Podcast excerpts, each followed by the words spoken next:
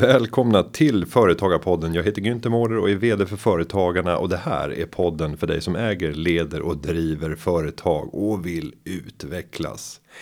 Idag så ska vi prata om hur man lyckas växa ett bolag till en marknadsledande ställning helt utan att ta in riskkapital. Och vad krävs av dig som företagare för att kunna hantera en kris och komma ut med ännu bättre resultat i slutändan. Det här och mycket mer i veckans avsnitt. Varmt välkommen. Vi säger varmt välkommen till Joel Svensson, vd och grundare av Partykungen som är ett av Nordens största e-handelsföretag som helt utan riskkapital lyckas omsätta över 300 miljoner under pandemiåret 2021. Välkommen! Tack så mycket!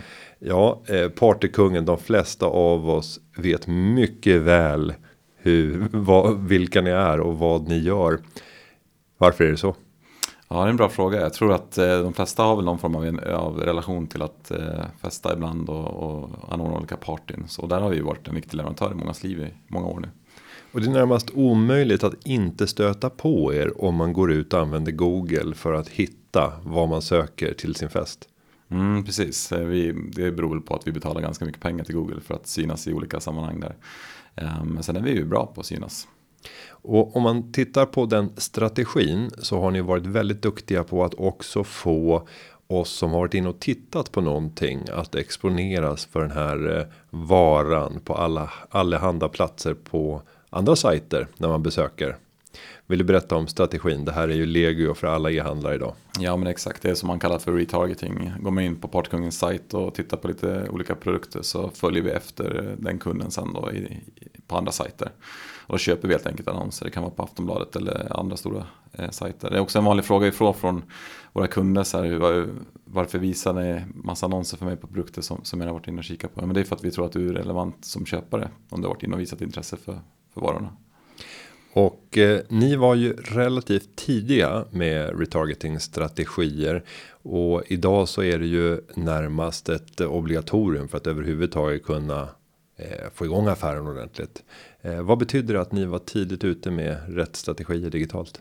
Men jag tror att eh, när jag startade Partykungen så jobbade jag med att hjälpa andra företag att synas online och eh, såg väl att det fanns en ganska bra strategi där, eh, både genom retargeting men också andra sätt att eh, visa ens varumärke i olika miljöer. Eh, och jag tror att det här med att vi har otroligt många fönstershoppare på Partykungen, de tycker om att titta på vårt utbud, vi har ju många roliga och, och knasiga saker. Eh, och ganska få konverterar. Vi ligger ju på en standardkonvertering på kanske någonstans mellan 2 och 3 procent av våra besökare som faktiskt köper någonting. Men eh, resterande 97 98 procent har ju visat intresse för olika varor. Så att, eh, där ser vi ju att eh, kan vi påminna dem om eh, det produkter de har varit inne och kikat på så, så kan vi öka konverteringen framåt. Och nu tänker jag att vi ska göra två saker. Vi ska titta på Partykungen idag eller Party King AB och sen gå tillbaka och titta på upprinnelsen. Om vi ska beskriva Partykungen idag. Vilka ord och vilka siffror skulle du använda för att bäst beskriva vad bolaget är? Ja men exakt, nu är vi ju inte ett litet bolag längre. Även om det känns som att det är mitt lilla bolag som jag startade för snart 12 år sedan. Då. Eh, men, men Party King, från början var vi Partykungen. Eh, vi gick in i Norge som första externa marknaden och det finns vi även i Danmark och Finland. Eh, vi kunde inte heta Partykungen där så då blev det ju att vi tog den engelska, den engelska översättningen. Eh, och sedan har vi även bytt namn på bolags, bolaget så vi heter Partyking AB. Men tanken är att någon gång i framtiden ska vi heta Partyking i Sverige också. Men vi har ett otroligt starkt varumärke med Partykungen så att vi får se om och när det sker. Men idag är vi i alla fall eh, cirka 100 stycken anställda på lönelistan. Ehm, väldigt många jobbar på lagret men vi har också ett gäng som jobbar med kundtjänst och, och IT och ekonomi och marknad och alla de olika sysslorna som vi håller på med. Eh, jag är vd eh, och har väl haft den rollen ända sedan vi startade. Från början gjorde man ju allt. Eh, numera har, vi lite specialistroller på, på olika avdelningar. Men jag är fortfarande inne och petar i det mesta. Vi omsatte förra året 312 miljoner kronor.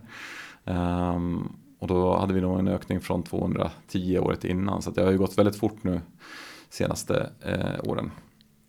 Och verksamheten bedrivs utanför Gävle inte den självklara platsen kanske många tänker. Varför är det bra att driva bolag strax utanför Gävle? Ja, men jag tror att nu är jag uppväxt i Gävle så för mig var det väl en av anledningarna till att vi startade där i alla fall. Eh, de flesta av mina vänner flyttade ju till Stockholm och jag blev kvar. Men nu ser jag att några börjar flytta tillbaka och skaffa barn och sådär. Men, men Gävle annars som, som logistik och företagsstad är faktiskt mycket bättre än man kan tänka sig. Um, för vissa har vi lite stora uh, industrier som många jobbar, det, den här företagsandan har ju aldrig riktigt funnits i mitt liv utan det är någonting jag har fått hitta själv. Då. Men logistikmässigt så har vi en egen hamn, så när vi importerar container från Kina då kommer den direkt till Gävles hamn. Eh, och sen har vi nära både storstäder, vi, har, vi, kan leverera till Stockholm samma dag, vi, vi har nära till både Oslo och eh, med båt över fin, till Finland och sådär. Så, så att, eh, jag tycker det är en bra stad att driva framförallt eh, i handel och, och där, där, man behöver jobba med logistikfrågor.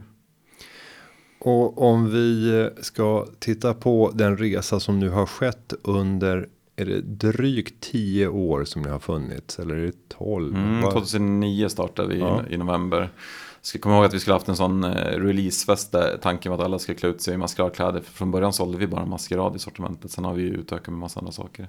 Eh, och, och, när vi skulle starta där i, i, i, oktober, september, oktober, november 2009 så hade vi inget, vi hade inte hunnit fått första, våra första varor. Så att på den här releasefesten vi skulle ha då så, så fick vi hänvisa våra kompisar och kunder att handla hos andra, andra konkurrenter. Eh, eller kollegor som jag kallar den branschen. Men, men ja, exakt, vi har hållit på i lite mer än 12 år nu. Så det är internetålder, brukar jag säga att det är en mindre evighet. Så det är snart 100 år då. Mm. Och det har ju hänt väldigt mycket när det kommer till vår digitala handel. Om man ser andelen av den totala handeln som har flyttat ut på nätet så var den mitt under pandemin eller inledningen 14 procent. Mm. Eh, samtidigt såg vi i Storbritannien så var det 24 procent av all handel. Nu har jag inte sett senaste årets siffror. Jag vet inte om du har dem färskt i Nej, heller, men, men det är någon, någon procentenhet högre. Ja men exakt och det man kan se nu är väl att eh, även om e-handeln har en, en kurva som går uppåt så har det ju gått tillbaka lite grann nu efter pandemin när folk börjar våga sig tillbaka till fysiska butiker och sådär. Men generellt har det varit en väldigt fin utveckling och, och tittar man på Storbritannien till exempel så har ju de framförallt en stor del av dagligvaruhandeln online också. Och där har ju Sverige generellt legat lite efter. Vi har fortfarande handlat i fysiska butiker när det gäller matvaror och sådär. Eh, men e-handelns del i Sverige ska jag säga är väldigt välutvecklad och det är en ja, det är, de flesta människors liv så e-handlar man någonting. Och om vi tar antalet artiklar som finns i ert sortiment idag och där leverans är möjlig inom i vart fall en månad. Hur eh, många produkter når vi upp till? Ja men exakt, vi har cirka 40 000 olika artiklar i vårt sortiment. Eh, och vi jobbar inte med beställningsvaror utan det är det vi har i lager, är det vi säljer. Sen kan det ju vara att vissa produkter är tillfälligt slut och sådär. Just nu till exempel så är det svårt att få tag i vissa produkter på grund av att efterfrågan har varit så himla stor. Eh, och leveranstiderna från Kina i och med hela den här containerbristen har också inneburit eh, längre leveranstider och sådär. Men vi har cirka 87-88% av de här 40 000 artiklarna i lager. Mm. Och är det ungefär samma procentuella tal när det kommer till eh, hur mycket som importeras från Kina? Är det runt 80-90 procent? Ja, men man kan säga så här. Det mesta är tillverkat i Asien. Eh, sen eh, köper vi en hel del inom, från europeiska leverantörer, en hel del från svenska leverantörer. Och senaste tre åren ungefär så har vi också börjat tillverka en hel del grejer själv i Kina. Mm. Men, men vår egen import eh, direkt från, från, från Asien är, ligger kanske på runt 10 procent. 90 procent går fortfarande via eh, framförallt europeiska leverantörer. Men det har tillverkats ursprungligen i i Kina många gånger. Absolut. Mm. Och om man tänker på någonting som har kommit att förändras sedan 2009 fram till idag. Så är det ju hela diskussionen kring hållbarhet. Och det där tänker jag måste vara ett ganska stort och, och viktigt område för er. Mm. Ni säljer produkter som många gånger inte används speciellt eh, många gånger, kanske en gång. Mm. Eh, på vilket sätt har eh, ni förändrat bolaget för att kunna möta de nya krav och förväntningar som finns på på ett bolag? Nej men exakt, och i den här branschen så är det ju mycket, som du säger mycket engångsartiklar och kanske maskeraddräkt använder man en gång sen vill man ha en annan maskeraddräkt nästa gång och sådär. Eh, men det, det som sker nu i branschen är ju att eh, alla jobbar med den här frågan, alla våra leverantörer och vi också. Så när vi kravställer direkt mot fabrik i Kina till exempel, nu har vi tagit fram en helt ny dukningskollektion eh, och är den helt 100% plastfri. Alltifrån allt ifrån förpackningar till, till materialet i, i varorna ska du kunna slänga i, på baksidan om du vill så ska det ätas upp av Eh, av, av naturen. Eh, men även våra leverantörer jobbar med de här frågorna extremt mycket. Det är mycket återvunnet material, man tar bort plast från förpackningarna och byter ut mot papper framförallt eller andra återvinningsbara material. Då. Eh, så att, och jag tänker så här, det är ju en, det är ett stort jobb för oss, men det är ju samma för alla våra eh, kollegor och konkurrenter också. Och jag ser det ju snarare som en, ett sätt för oss att flytta fram våra positioner eh, och, och, göra det riktigt bra. För någonstans så handlar det om konkurrens och, och, väldigt många av våra kunder vill kunna välja ett miljövänligt bättre alternativ. Och då ska ju vi vara en, en sån aktör som har det alternativet också. Och hur gör man det lätt för kunden att kunna göra det rätta valet? Hur har ni valt att visualisera ut mot kund vilka olika insatser ni har gjort eller vilken påverkan olika produkter har. Mm. Eh, delvis gör man det ju på förpackningen men många kunder eh, gör ju sitt köpbeslut innan man ser förpackningen. Eh, så, så det vi sitter och jobbar med nu är, är en mycket smartare filtrering på sajten också där man, ganska, eh, där man direkt ska kunna filtrera ut de produkter som är där vi anser att de är ett bättre miljöval. Eh, och även kunna kategorisera det i lite olika typer av kategorier beroende på vad du letar efter. Då. Mm. Jag tänker att vi ska ta oss tillbaka till 2009. Eh, vi hade en finanskris i ryggen. Det hade varit turbulent. Jag misstänker att det där inte hade berört dig speciellt mycket. Du var ung och fortfarande hade framtiden för dig. Var du aktieintresserad redan då? Ja men absolut och det är väl så jag lärde känna dig från början också Günther. Jag vill minnas att du jobbade på Nordnet tidigare. Mm. Eh, och lyssna på en hel del poddar där med, med din röst. Men, men, eh, exakt, jag har ju egentligen varit företagare sedan jag gick i årskurs 8. Jag kommer ihåg jag köpte läsk på ICA och så sålde, vi dyrare, sålde jag dyrare från mitt skåp i skolan. Liksom. Och eh, alltid haft liksom ett, viljan att, att utveckla saker, tjäna pengar såklart men framförallt skapa värden. Um, så att, men 2009 då, så hade jag precis gått ut gymnasiet, visste inte riktigt vad jag skulle göra, jag hade sökt några högskoleutbildningar som jag inte hade kommit in på. Um, och då tänkte jag, vad fasen, vi får starta företag istället, jag kan inte gå här arbetslös. Så det var väl lite upprinnelsen till, till Partykungen. Vad tror du hade hänt om du hade antagits till någon av utbildningarna som du ansökte till? Ja, det är en bra fråga. Den ena utbildningen var, var mäklarutbildning. Jag, i Gävle? I Gävle, mm. exakt. Och det var väldigt många från hela Sverige som sökte den för det var en, en tvåårig mäklarutbildning, väldigt populär. Eh, så trots att jag hade, skulle jag vilja säga, väldigt bra betyg i gymnasiet kom jag inte in där. Jag tror jag skulle bli en dålig mäklare, jag är alldeles för ärlig. Liksom. Jag tror en mäklare kanske behöver, jag ska inte säga vara oärlig, men ändå att man kanske inte ska berätta allting jämt. Fast du är duktig på att köpa billigt eller dyrt, fast här ska ja. man inte köpa, här ska du mäkla. Nej ja. men det är sant, och jag tror att jag är ganska duktig på det sociala, det är väl också en för, fördel om man är mäklare tänker jag. Mm. Sen hade också högskolan startat ett entreprenörsprogram precis då eh, när jag gick ut gymnasiet som, som var helt nytt. Eh, som lät väldigt intressant för då skulle man få lära sig lite företagsekonomi och alla de delarna som har med företagandet att göra. Men, men den utbildningen kom aldrig igång för det var för få sökande. Mm. Men du var ändå inne på ett entreprenöriellt spår där trots att du inte är sprungen med entreprenörskapet i bloden, blodet eller från modersmjölken eller? Mm, ja men exakt och jag tror att hela Gävle är ju ganska, vi har ju många tunga industrier, eh, många går från skola till, till industri och det, det företagandet har liksom inte ansetts så, så fint men, men det har hänt ganska stor skillnad bara de senaste tio åren så har det ju blivit väldigt mycket mer populärt, inte bara i Gävle, hela Sverige och världen för den delen att, att starta eget. Och för mig har det varit lite en sån revolt också, gå mot det som som var mina föräldrar och det jag kommer ifrån att få göra något eget. Och 2009 eh, i juni var det då studentexamen var. Exakt, yes. Och sen eh, dröjde det då fram till hösten innan ni drar igång Partykungen. Hur många idéer hade ni utvärderat innan ni faktiskt valde just den här idén? Ja men exakt. Eh, det var nämligen så här att min mamma skulle fylla 50 år och om folk som känner mig vet att jag alltid är ute i sista minuten när det gäller saker. Så jag satt ju dagen innan, dagen innan hennes födelsedag och funderade på vad jag skulle ge henne i present. Eh, och eh, tänkte att det enda jag kan köpa här och nu det är ett presentkort som jag gör själv. Det står att hon får ett jobb. Hon hade varit arbetslös i sju eller åtta år. Jag såg att hon mådde väldigt dåligt utav, utav det. Hon har en diagnos, en Asperger-diagnos, vilket gör att hon fungerar väldigt bra så länge hon har rätt förutsättningar och, och mindre bra om hon inte har det. Eh, så då fick ju hon, tanken var att hon skulle sköta lagret och jag, jag skulle sköta inköp och alla andra delar. Ehm, och från början var ju tanken att vi skulle säga barnkläder. Jag hade inga barn på den tiden eh, så kunde ju ingenting om det där. Så att vi ändrade ju kategori ganska fort. Och, och, jag var ju fortfarande ung då, jag ska säga att jag är fortfarande ung nu idag också. Men, men väldigt ung och mycket fest och mycket temafester och sådär med kompisar. Man såg att det fanns ett behov av eh, den här typen av artiklar. Och jag tror många företagsidéer är sprungna ur att man ser ett behov någonstans och, och som man vill eh, hjälpa till att fylla. Och i det läget var tanken att det skulle bli som ett eh, garageföretag där laget kunde rymmas i gamla barndomsgaraget eller liknande? Eller fanns planerna redan från början att det här skulle kunna bli någonting riktigt stort? Nej, men jag tror det var lite både och där faktiskt. Det, det, jag hade aldrig nog kunnat förvänta mig att vi skulle bli så stora som vi är idag. Eh, det viktiga för mig var att mamma skulle få ett jobb och någon vettig sysselsättning i de dagarna. Och kunde jag ta ut en okej lön med tiden så kändes väl det också okej. Okay. Så det var, det var så vi startade. Sen, sen, har hela den här internationella delen tillkommit med, med tiden. Att man liksom vill utvecklas, man vill göra det större. Eh, och hela tiden utveckla bolaget. Så där, och där är vi fortfarande idag. Vi vill ju göra det mycket större än vad, än vad det är.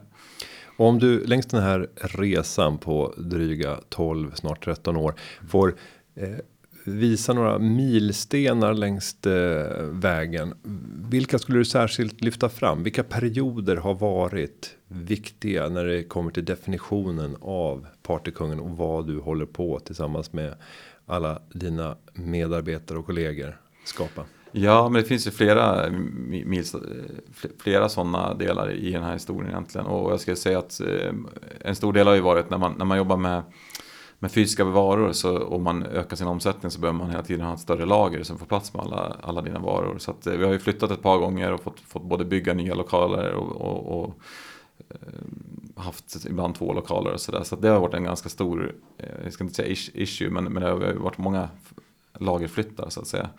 Eh, och sen också det här med att eh, anställa rätt personal och, och, våga anställa ny personal som tar över. Jag kan ju tycka att jag som eh, grundare har ganska bra koll i alla delar men jag kan ju aldrig vara bäst på, på allt. Liksom. Så att att hitta rätt personal där. De har också gått på både nitar och, och gjort väldigt bra rekryteringar. Eh, så det har funnits många, många mil eh, stolpar längs vägen som varit väldigt viktiga för bolaget. När vi gick, in, när vi gick utanför Sveriges gräns var också en sån, 2016 tror jag vi gick in i Norge som första land utanför Sverige. Det var också en utmaning för Norge ligger utanför EU så det är lite eh, krångligt med, med tull och, och lagar och sådär. Men när man väl var där så det är ju ett av få länder som är faktiskt rikare än Sverige också. Där vi tjänar eh, mer pengar på såld. Vi kan ta ut ett bättre pris. Eh, eh, vi ser ju också att det är fortfarande det land som ökar mest av våra externa marknader. Och det har också varit väldigt viktigt för oss att våga ta det steget. Att oj, nu blir det ett nytt främmande språk, det blir en annan lagstiftning och en helt annan logistikapparat och sådär. Om man gjort ett land så är det ganska lätt att, att göra två till sen. Och lagret är fortsatt enkom i Gävle. Ja men det stämmer. Vi, vi byggde tillsammans med en fastighetsägare ett nytt lager för 2016 eller 17. Eh, så, så, och sen har vi byggt ut det lite grann eh, med tiden. Men det är lager och kontor är i Gävle och hör ihop. Och det tycker jag också är en stor fördel att vi sitter nära våra varor. Får vår kundservice en, en fråga som de inte kan svara på utifrån eh, sin dator så kan de alltid gå ut på lagret och ta reda på, på frågan. Eller, eller fråga någon som jobbar på lagret. Eh, och, och vara nära det, det man jobbar med, alltså vara nära varorna tror jag har varit en stor framgångsfaktor för oss också. Och om vi pratar om hur långt bort man kan expandera med eh, den lagerenheten.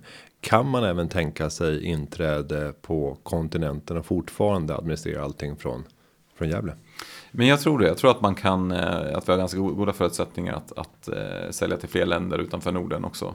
Eh, sen ska man göra det, det vi märker är att många av våra kunder är ute i sista minuten. De, även fast de har planerat det bröllopet ett år innan så här, står de där dagen innan och kommer på att de ska ha eh, konfetti till, till alla gäster som kommer. Så att, och, och där är det såklart svårt att skicka någonting till till Tyskland från Sverige eh, på en dag. Men, men, det finns goda möjligheter och, och tittar man på två, tre dagars leveranstid så är det inga problem alls. Men sen tror jag såklart att ska man göra det riktigt bra då kanske man behöver ha någon form av lager längre ner i Europa också. Och om vi ser på hela den här skapelsen så har den skett utan att ni har gjort en enda ny emission sen start, eller hur? Ja, det stämmer. Eh, och samtidigt så är det en verksamhet som binder en hel del kapital när ni ska sitta med alla de här artiklarna på mm. lager. Alltså hur löser man en sån kraftig tillväxt som ni har haft utan att behöva ta in externt kapital? Nej, men det har varit väldigt utmanande och jag kommer ihåg när vi liksom gick in på banken första gången och behövde någon form av checkkredit vad ska man säga, ett ovillkorat lån som, där, där, du kan låna pengar från din, ditt transaktionskonto för att betala fakturor och sådär. Då, då fick, blev man lite bemött med, med någon som frågar vad man håller på med. Liksom. Nu när det har blivit större så är det lite lättare att, att förhandla den typen av villkor. Så vi har ju en checkkredit hos banken som vi använder oss av. Eh, framförallt har ju vi olika säsongsvariationer. Det, vi säljer ju otroligt mycket på hösten och, och mindre på våren och sådär. Så att eh, i, i, perioder så behöver vi eh, låna pengar för att finansiera lagret framförallt. Men sen tror jag också så här, när man jobbar med e-handel så generellt när vi, när vi säljer vi någonting till dig idag eh, så får ju vi betalt av Klarna eh, samma dag eller dagen efter. Medan vi har eh, kanske 30 eller 40, 45 dagars eh, faktura till våra leverantörer. Så vi kan ju i princip sälja en vara och betala för, för den sen. Så att man har ju ett generellt gott kassaflöde eh, när man jobbar med e-handel. Det är också märkt nu de senaste två åren när vi börjar köpa mer och mer direkt från Asien att där förskottsbetalar vi våra varor innan de produceras och sen kan det ju vara sex veckor på båt innan de kommer, kommer till Gävle innan vi kan sälja dem. Så där, där har man ju å andra sidan ett större behov av att finansiera sitt lager. Men det stämmer, vi har 50 miljoner i lagervärde nu så det, det, krävs ju Sen har vi hela tiden återinvesterat eh, våra, våra vinster genom åren i bolaget och det har väl också varit en förutsättning för att kunna fortsätta växa utan att ta in riskkapital eller annan typ av finansiering. Och vad har varit eh, nyckeln för att klara av finansieringen? När du ser tillbaka på de här åren, vad skulle du säga har varit de lyckosamma besluten? Och hade någonting kunnat bli ännu bättre om du hade fattat ett annat beslut? Nej men jag tror att eh, det absolut viktigaste är hur du jobbar med ditt lager. Att vi, vi omsätter vårt lager ganska många gånger på ett år. Eh, vi försöker inte ha så mycket av varje vara i lager utan vi Framförallt när vi, när vi köper in nya produkter så vet vi inte hur de kommer sälja förrän vi har lite historik. Så där är vi ganska försiktiga innan vi liksom eh, köper in större mängder. Så att det tror jag har varit en viktig, en viktig faktor. Sen har vi ju hela tiden jobbat väldigt nära eh, eh vår bank Swedbank som jobbar med eh, och haft schyssta villkor. Och har vi sett att vi behöver en tillfällig ökad checkkredit så har de ställt upp på det där vi kan motivera att nu har vi en säsong vi går in i och sådär. Eh, men, men sen ja, vi har gjort otroligt många dåliga inköpsbeslut också. Eh, vi sitter på ganska många eh, covid-tester nu som ingen är bov av längre. Som vi antagligen kommer få kassera och de har ändå kostat pengar att köpa in. Och det finns många andra sådana exempel också där varor som där man har sett en tillfällig trend eller där man liksom försöker eh, hänga på och sen är trenden över ganska fort också.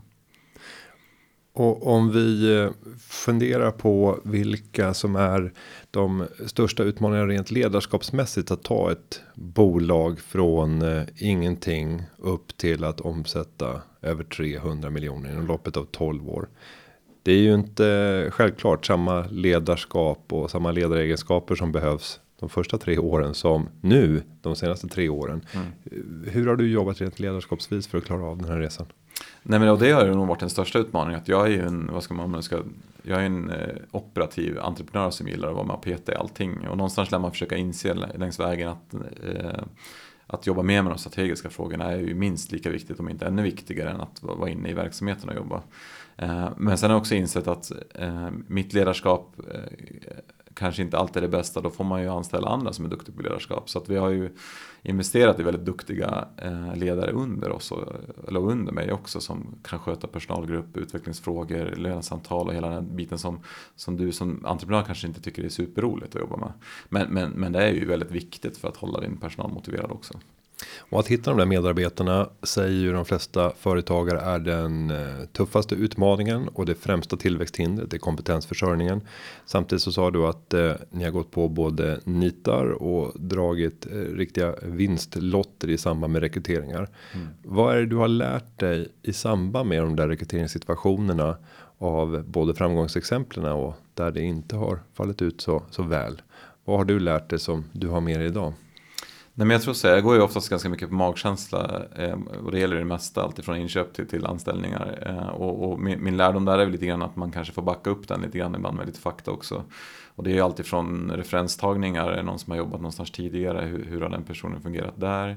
Men sen har jag också lärt mig att eh, låta folk ta ansvar och jag tror att det är lätt som entreprenör att man liksom går in och detaljstyr och, och då funkar det inte heller bra. Så att, och när det inte har funkat bra hos oss så har jag ofta sett mig själv. Eh, det är mitt, jag ska inte säga att det är fullt bara mitt eget ansvar eller fel. Eh, men någonstans så funkar inte alla människor på alla arbetsplatser utan det, det krävs ju lite olika förutsättningar.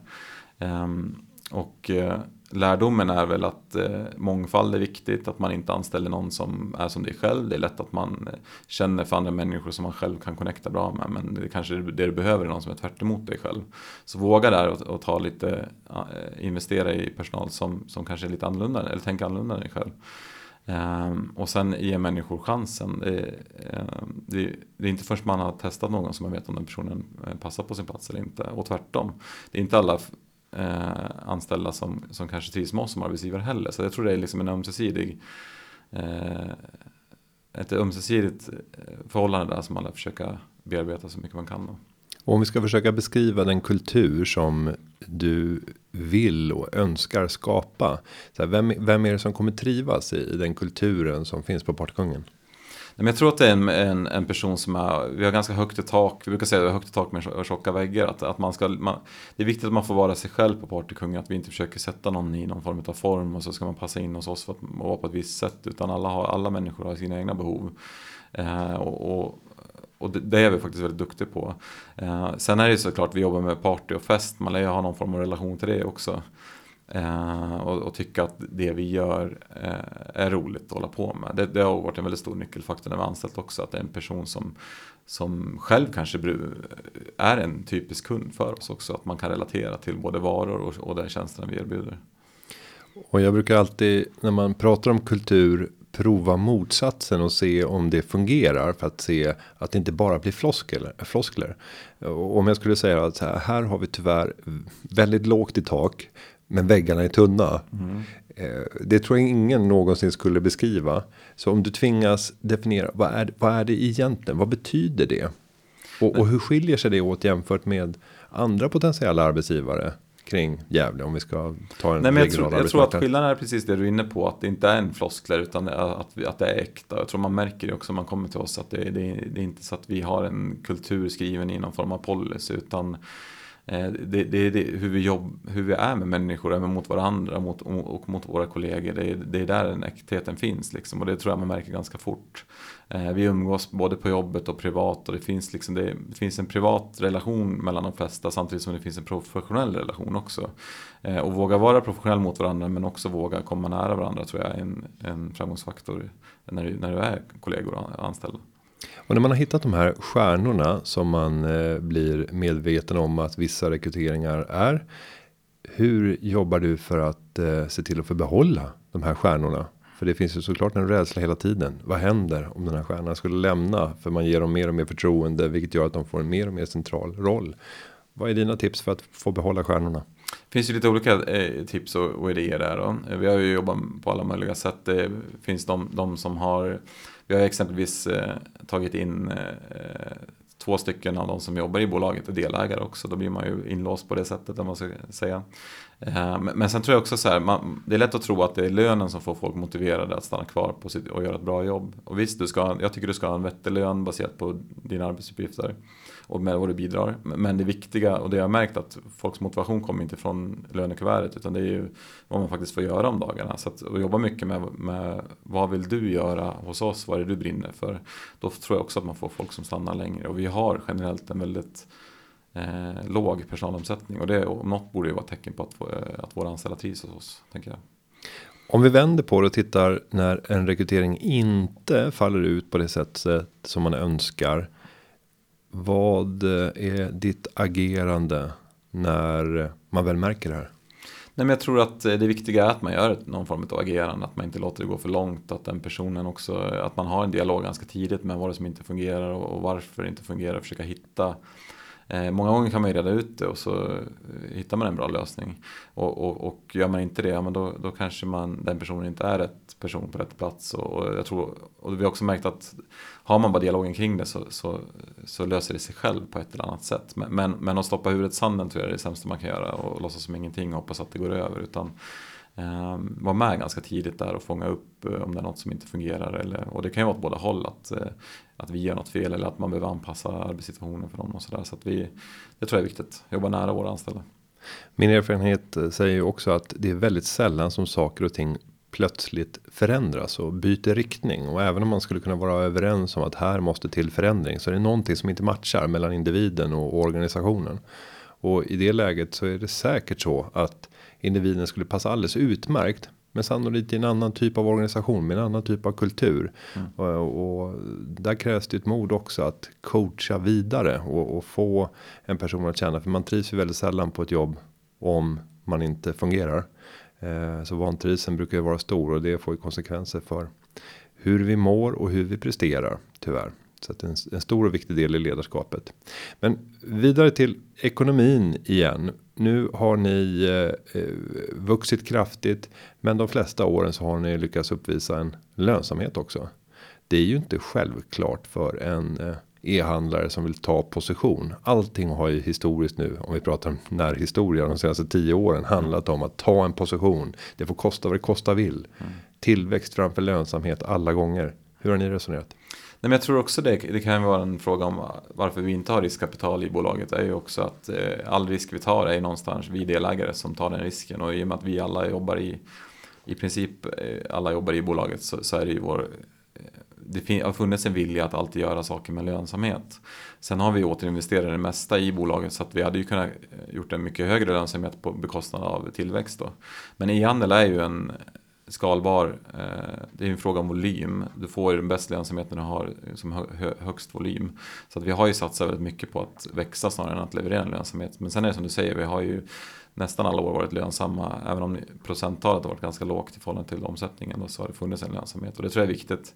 Med allt ifrån eh, när vi ska förhandla med banken. Att det finns en god soliditet. Till att du ska anställa människor som vill känna sig trygg med att man inte blir av med sin anställning. För att det går dåligt för bolaget. Ehm, till att vi ska kunna göra investeringar, eh, långsiktiga investeringar framåt också. Och jag pratade ju eh, och presenterade er som en marknadsledande aktör inom ert segment. Sen er marknad är ju lite svårare att definiera för att det är så många olika typer av konkurrenter eftersom artikelbredden är stor. Om du skulle beskriva marknaden och hur konkurrenssituationen ser ut. Hur skulle det låta då? Jag skulle beskriva det exakt så. Jag brukar få den vanligaste frågan vi får är vilken är era största konkurrenter eh, på respektive marknad? Och det är svårt att svara på den för det finns oftast någon som är svinduktig på ballonger eller någon som är duktig på maskerad. Eh, eller duktig på roliga prylar som också säljer mycket av. Men, men, men vi har ju bredden som, som, du är inne på och jag tror att det är det som gör oss lite unika också. Att ska du handla någonting till ditt bröllop så behöver du inte sen åka till ICA för att köpa godiset utan vi har också godiset och vi har, liksom, vi har helheten till festen. Ehm, men det finns jätteduktiga konkurrenter, ofta så är de nischade på en av våra kategorier medan vi, vi försöker vara bäst på alla kategorier. Och er resa har ju inte varit osynlig. Ehm, du fick ju stå i Stadshuset redan var det 2014. Mm. Ehm, och motta pris av företagarna och du har fått mycket andra utmärkelser och uppmärksamhet. Det där brukar ju dra ögonen till sig och eh, med det ett stigande intresse för att ge sig in och börja konkurrera. Har ni märkt aktörer som har försökt kopiera er resa? Ja, men eh, det, det händer ganska ofta ska jag säga att det kommer nya aktörer och som ofta, inte ofta, men, men, men försöker göra samma sak som oss. Eh, det, det, jag, tror, jag ser det som eh, ett fint kvitto på att vi gör det bra om någon vill göra samma sak som oss eller kopiera oss. Så jag, ser, jag ser inte som något negativt på det sättet. Sen, sen i den här branschen, lite speciellt också i party och där vi jobbar mycket med olika säsonger och högtider, att ju fler aktörer det finns, det här är min personliga teori, ju fler aktörer det finns desto fler kunder kommer det finnas. Så att, eh, generellt har det varit bra när det kommer nya eh, konkurrenter för, för, att då lyfter vi eh, marknaden tillsammans.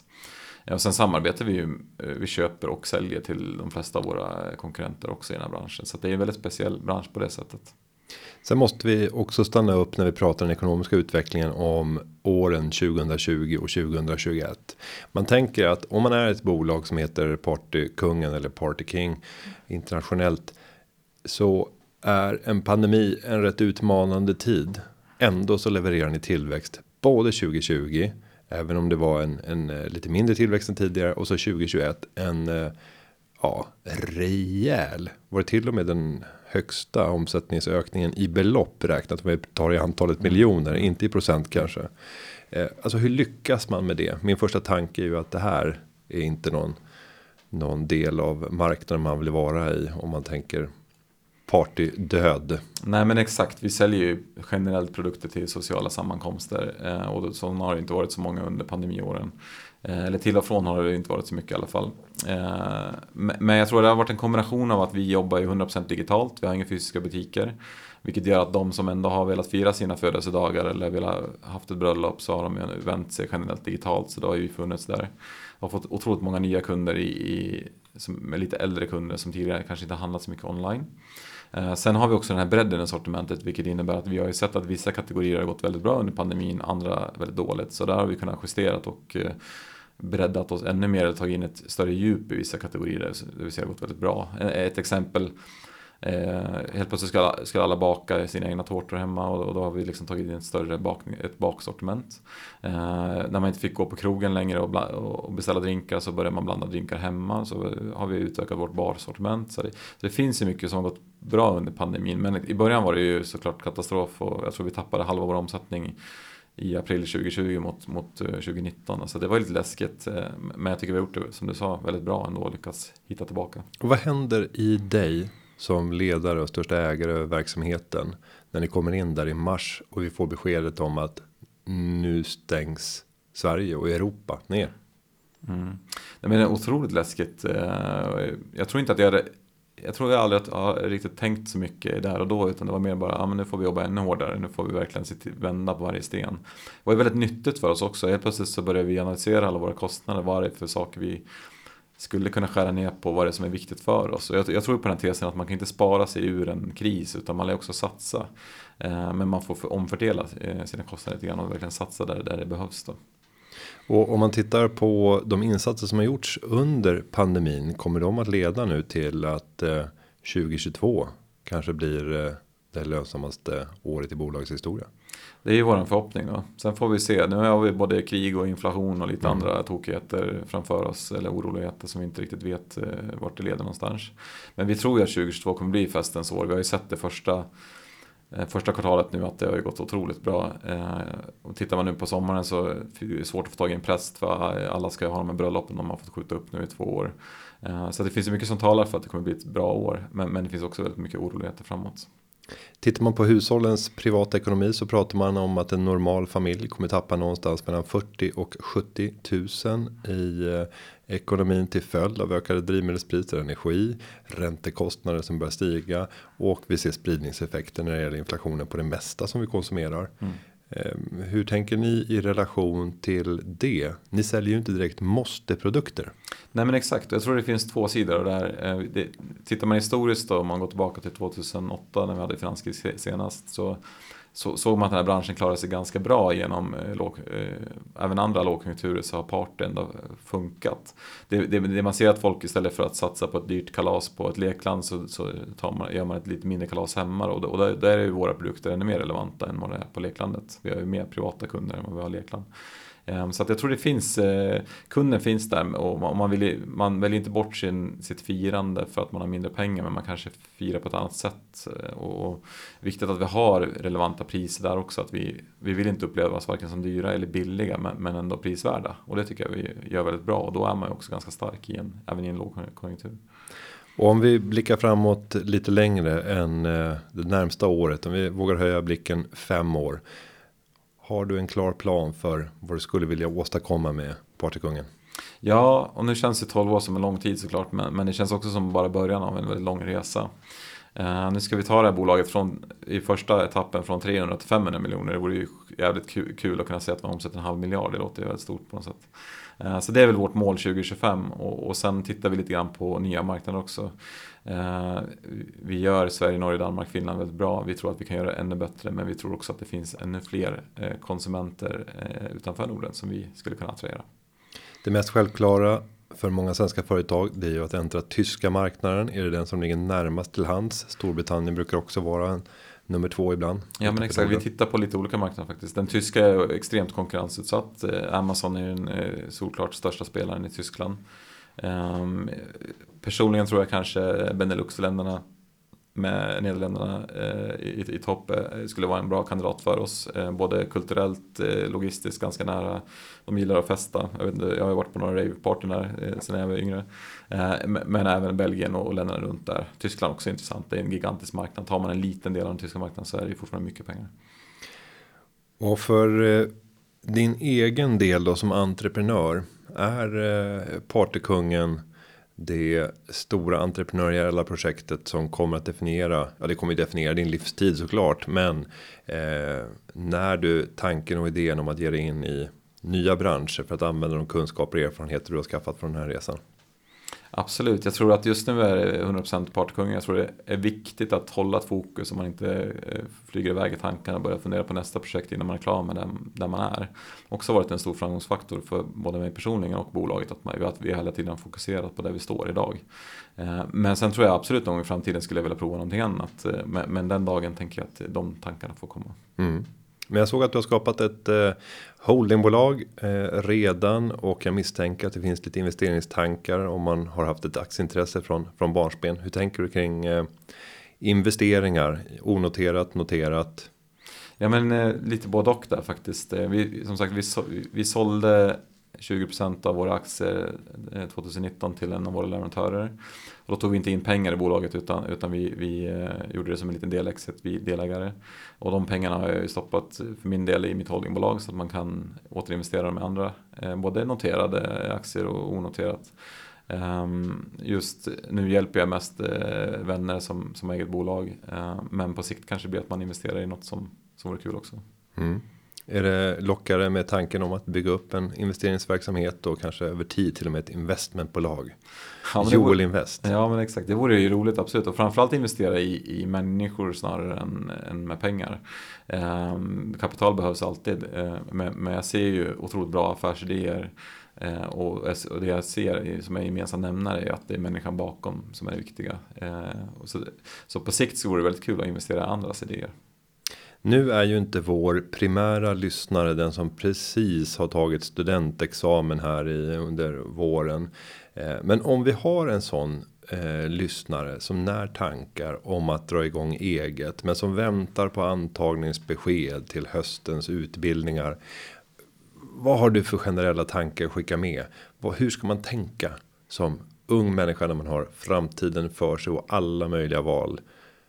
Vad skulle vara ditt råd till den här personen? Ja, det är, en väldigt svår, svår fråga faktiskt. Det är väldigt individuellt också vad man har för förutsättningar tänker jag. Men, men, men det, och det som är bra i Sverige är att alla har ju ungefär samma förutsättningar. Men jag tror så här, våga ta, testa lite grann. Det är svårt att veta när man går ut skolan vad man faktiskt ska göra i framtiden. Och det är lätt också att göra en sak, sen kanske man vill göra någonting annat, vilket också tycker är okej. Okay. Man, man behöver inte göra samma sak hela livet. Men, men, testa och göra någonting man själv brinner för, något som är, ligger nära en hjärta tror jag är en framgångsfaktor om man ska lyckas. Eh, oavsett om man tar en anställning eller om man startar ett bolag.